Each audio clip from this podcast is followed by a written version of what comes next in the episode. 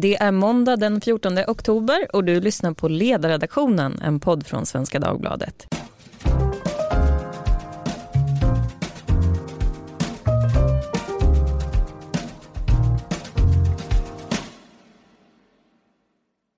Jag heter Lydia Wåhlsten och idag ska vi prata om partiledardebatten som gick av stapeln i Agenda igår.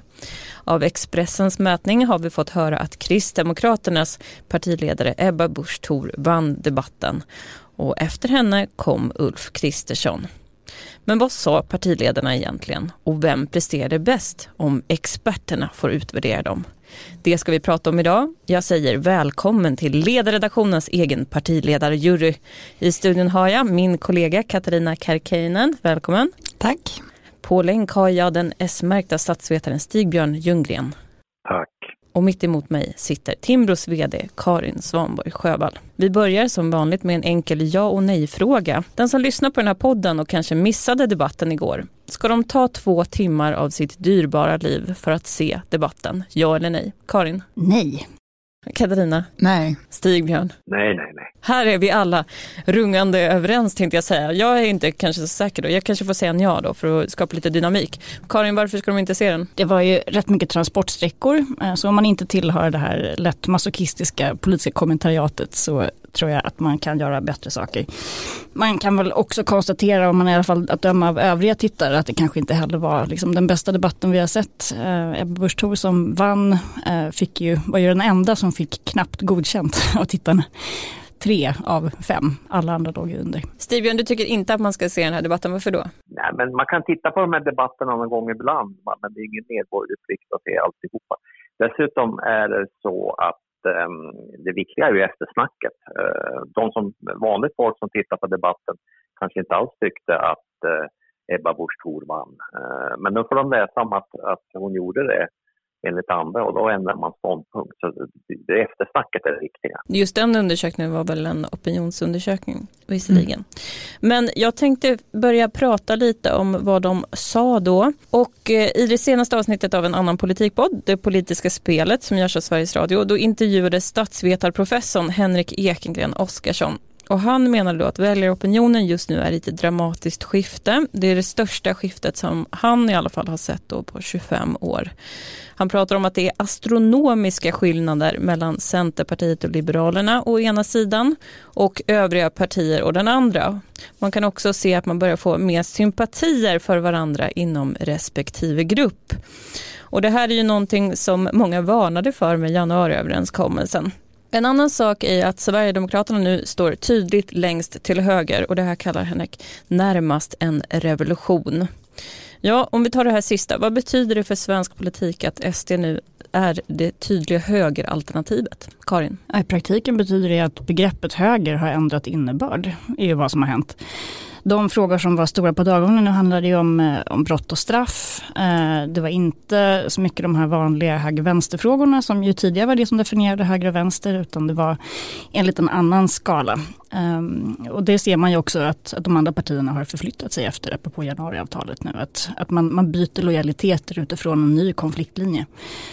Och det tror jag är i praktik, det tror jag är en väldigt dålig utveckling. Jag tror att det är eh, svårt att ha liksom, verkningsfulla konstruktiva konfliktlinjer eh, som handlar om identitet. Mm. Betyder det här också att liberalismen kommer att omdefinieras? Ja, liberalkonservatismen har, har ju redan gjort det i ganska stor utsträckning. Kan man se att, att, när Moderaterna jagar efter väljare som de har tappat tidigare så är det inte med skatteargumentet längre, även ifall de har halkat fram och tillbaka en del på, på den banan. Och man ser väl en, en mera uppsplittrad liberalism nu när man måste bekänna färg. Man måste just eh, visa vem man är lojal med.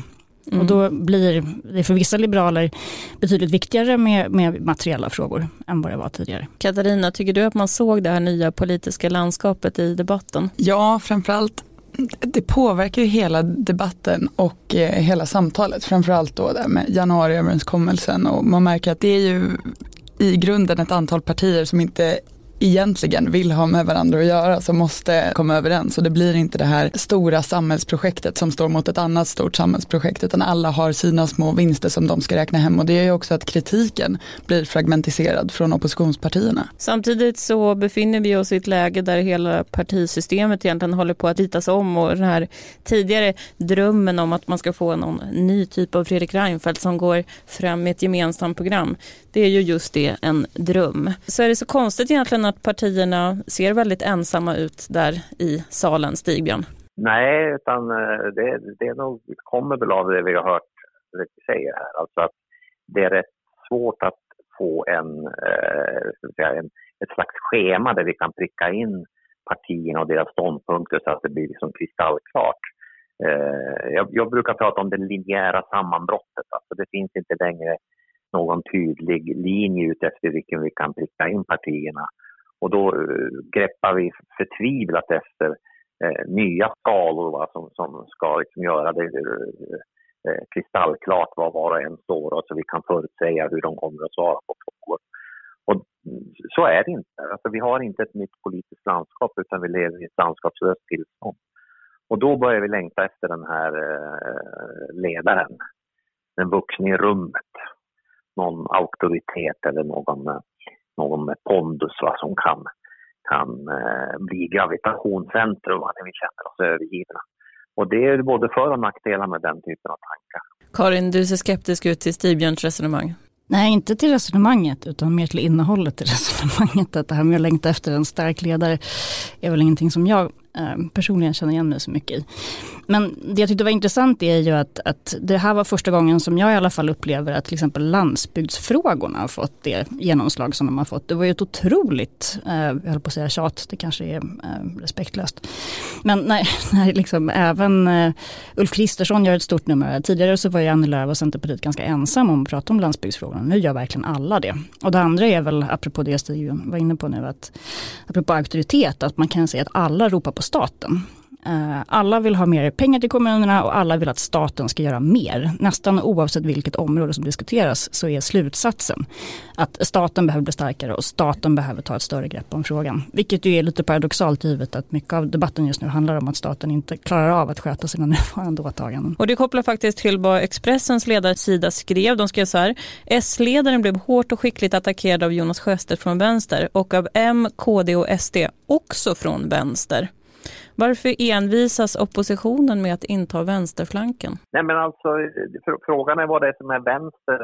Är det att man ropar på staten eller är det eh, jag, kunde, jag tycker inte att de den etiketten riktigt funkar så jag förstår inte riktigt vad Expressen menar.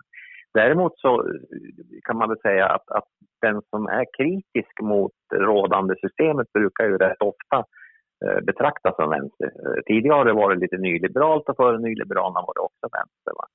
Ehm, och, och sen är det alltid så att eh, om vi med vänster menar att man vill ha mer resurser till det ena eller det andra, då, då är det ju oppositionen eh, alltid som står för det, medan de som har regeringsmakten är ju tvungna att finansiera det de påstår. Och det behöver, då blir det så att säga lätt eh, så att den som har makten är höger och den som är oppositionell är vänster. Det här med Stefan Löfven då, att han var så pressad. En, ett område där jag upplevde att han var särskilt pressad är migrationsfrågan. Och när han då föll tillbaka till att börja tala om att vi behöver en gemensam politik på EU-nivå. Ni minns kanske att han gjorde ett utspel för inte så lång tid sedan i Sydsvenskan där han sa då att Sverige behöver färre flyktingar och det här orsakade någon typ av mikrokris i regeringen där Miljöpartiet ryckte ut och sa att det här är inte alls det vi har kommit överens om. Är det någon som kan förklara vad som händer inuti Stefan Löfvens huvud under en sån här debatt?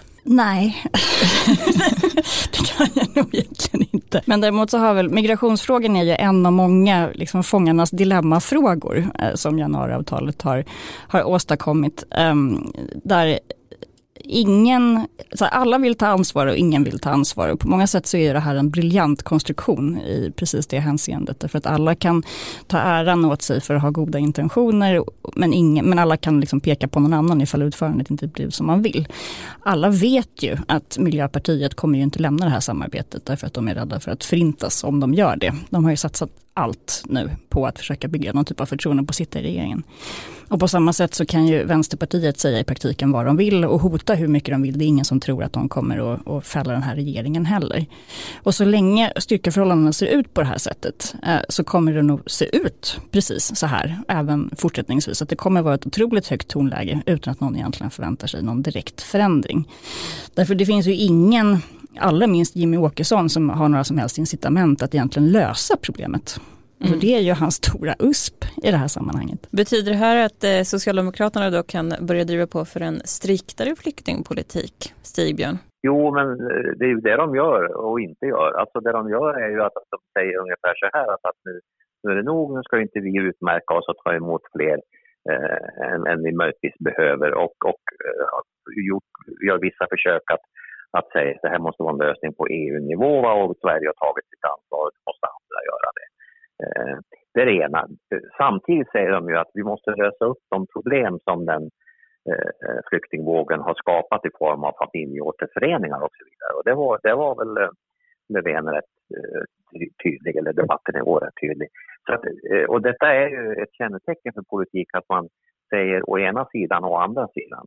När man har makten och är ett stort parti och ska hålla ihop en, en bräcklig regering, då måste man ge den här typen av, av dubbla signaler. Så det är väl det jag ser i huvudet på Löfven när han talar att, att hur gör jag nu för att hålla ihop regeringen, för att hålla ihop mitt eget parti och för att få en politik som går att genomföra. Och då är det de här två budskapen, alltså eh, amnestier etc. och tuffare tag. Mm. Men allt det här kan ju ställas på huvudet nu om det kommer en, en ny flyktingvåg. Då får vi då alla de här pratkvarnarna i igår kommer då att få upp till bevis. Vi kan väl ta det lite kort. Vad händer nu om det blir en ny flyktingvåg från Syrien? Vad tror ni? Ja, det blir lättare att få en, få en uh, överenskommelse tror jag mellan de här två uh, betongpartierna framför allt. Karin, delar du den synen? Ja, absolut. Jag tycker riktningen från Socialdemokraternas sida har ju varit rätt entydig det senaste året, att det är dit de vill de är ju nästan öppna nu med att de skulle vilja göra någonting som de menar att de inte kan göra på grund av det här samarbetet. Eh, blir en, en, en kris av liksom 2015 års mått, eh, då kan jag inte se någon som helst annan riktning än att vi i praktiken kommer att stänga gränserna. Därför att vi har varit på väg i den riktningen så otroligt länge. Och givet den liksom, krisbeskrivning som finns ute i kommunerna redan idag, när vi bara har börjat prata om att vi är på väg in i en lågkonjunktur, så är det klart att ifall det skulle komma en sån ny smäll, då, då tror jag att det kommer bli ett, ett väldigt eh, dramatiskt och snabbt skifte och då tror jag inte ens att varken Centerpartiet eller Vänsterpartiet egentligen kommer att hålla, ens försöka hålla emot. Och där ligger ju också en eh, fråga som jag vet ligger er på Timbro nära hjärtat. Det handlar ju då om eh, arbetskraftsinvandringen. Och när Agenda skulle redovisa flyktingsiffrorna igår, då redovisade de inte arbetskraftsinvandring och de anhöriga som följer med till dem. Varför gjorde man inte det tror ni? Varför de inte gjorde det, det, det, vet jag förstås inte riktigt. Men jag tror att egentligen oavsett om de hade gjort det eller inte så hade man inte kommit fram till ett sätt som hade tillfredsställt alla. Det beror ju på vad syftet är med att visa det och vad det är man vill illustrera i så fall. För att skälet, gissar jag, till att man inte gjorde det är ju att det som eh, skapar mest uppmärksamhet och oro, det handlar ju om kostnader och det handlar om hur långvarig eller permanent invandringen faktiskt är. Och där är det ju en annan sak med arbetskraftsinvandringen än vad det är med asylinvandringen. Delvis därför att om det blir en lågkonjunktur då kommer färre komma hit. Ja precis det själv, det kommer finnas färre jobb och man måste ha ett jobb för att få komma hit på ett sånt arbetstillstånd. Um, och det andra handlar ju, så att, så att väldigt många av dem kommer åka tillbaka. I det mm. läget. Samtidigt är det att, ungefär 20 000 anhöriga till arbetskraftsinvandrare som kommer varje år. Och det är ju ungefär lika många då som söker asyl. Så är det ju, men det är fortfarande en, en större andel av den gruppen som, som åker tillbaka. Och det gäller ju även de anhöriga. Och det handlar framförallt då om den lågkvalificerade gruppen är ju de som åker tillbaka i störst eh, utsträckning där finns det också utrymme för att prata om som eh, bland eh, annat Moderaterna Ulf Kristersson har försökt göra vad man kan ställa för, för krav eh, för anhöriginvandring. Men då, det kräver ju också så att säga att man stakar ut samtalet på det sättet. Det här är de olika typerna av invandring som vi ska prata om och inte bara pratar om flyktingvågen och inte bara heller förhåller sig till 2015 vilket ju faktiskt var en extrem punkt och kanske inte det som alltid bör vara utgångsläget för diskussioner om migrationspolitik. Jag tänkte att vi ska gå vidare. En fråga fråga som eh, kvartalsviktor Kvartals-Viktor lyfte, det var ju det här utfallet i debatten när Ebba kliver utanför ramen och börjar prata om att M, S och SD borde göra gemensam sak om flyktingpolitiken. Och eh, Viktor poängterar då att eh, det här hade ju betytt att politiken hade blivit mer restriktiv än vad KDs officiella linje är och att hon då egentligen så att säga undergräver sitt eget parti genom att föreslå det här. Hur ska man se på det där draget, Stigbjörn? Ja, det låter lite grann som den här kristna offermoralen. Va? Att, att eh, det som kännetecknar kristendomen är att man är beredd att lägga sig platt för det goda. Eh, men jag tror inte att det var det, utan det var snarare ett försök för henne att visa att hon tänker som vanligt folk tänker. Att vad fan, sluta tjafsa nu och fixa det här. Och då är det de här tre stora som ska göra det. Så, så, så genom att, att nämna detta så, så, blir hon så att säga den, den samlande kraften, eller den som talar för, för förnuft och, och, och ehm, det som är rätt och riktigt. Va? Så jag tror det var, det var hon var ute efter där att få den här rollen som den vuxna i rummet. Ja det tror jag också. Jag tror att hon, eh, hon har ju gjort ett stort nummer sedan Almedalen av att vara liksom det första partiet som ryckte plåstret. Som satte sig och pratade med Jimmy Åkesson. Även ifall syftet inte var att komma överens just då. Utan att mer signalera att man är beredd att prata med alla. Och att man inte diskriminerar något enskilt parti. Men sen har ju Kristdemokraterna lite samma både problem eller tillgång beroende på hur man vill se det som Socialdemokraterna just att man är, dels är ganska splittrad internt och att man dubbelsignalerar att det finns en diskrepans mellan vad man är mån om att eh, marknadsföra politiskt utåt i termer av hur man ser på migrationen och hur stor den ska vara och vad partiet faktiskt har fattat beslut om. Kommer det där bli ett problem för Kristdemokraterna? Så länge de är de enda som säger att de är beredda att diskutera med Sverigedemokraterna så tror inte jag att det är det. Men i samma ögonblick som ett annat parti fattar samma beslut eh, så, så, så, tror jag att det kommer att bli besvärligare. Jag ser nu att mina kollegor står här utanför och trampar och därför måste vi tyvärr börja avrunda. Men en sista fråga är att Moderaterna har partistämma nästa helg och när jag pratar med Moderaterna Eh, eller med moderater så säger en del i alla fall, de tycker att Ulf Kristersson är ganska osynlig. Samtidigt så kommer han ofta starkt ut i sådana här debatter och han vann de flesta debatterna innan valrörelsen. Hur ska man förstå det där? Ja, nej, men det handlar väl om att, att uh, den här osynligheten är ju frågan om om man ser eller inte. Det är möjligt att han är ute mycket mer och visar sig i landet så att säga, och är synlig lokalt. Va? Och det är ju jävligt viktigt om man ska överleva som partiledare, att man har kontakterna ute i landet och sen också att, att man kanske får lokal media. Så det är inte säkert att man måste vara i, i, i riksmedia varenda dag. Va? Eh, Men sen handlar det väldigt mycket som sagt om hur folk uppfattar det också. Om man tycker att han verkar osynlig så förstärks de intrycken lätt eh, hos den som har fördomar. Hörni, jag måste tyvärr eh, runda av där. Jag är ledsen för att det blev så korthugget men ni är varmt välkomna tillbaka en annan gång. Karin Svanberg Sjövall, VD på Timbro och Stigbjörn Ljunggren, S-märkt statsvetare. Och ni som har synpunkter, ni får gärna höra av er till oss på ledarsidan svd.se. Tack så mycket.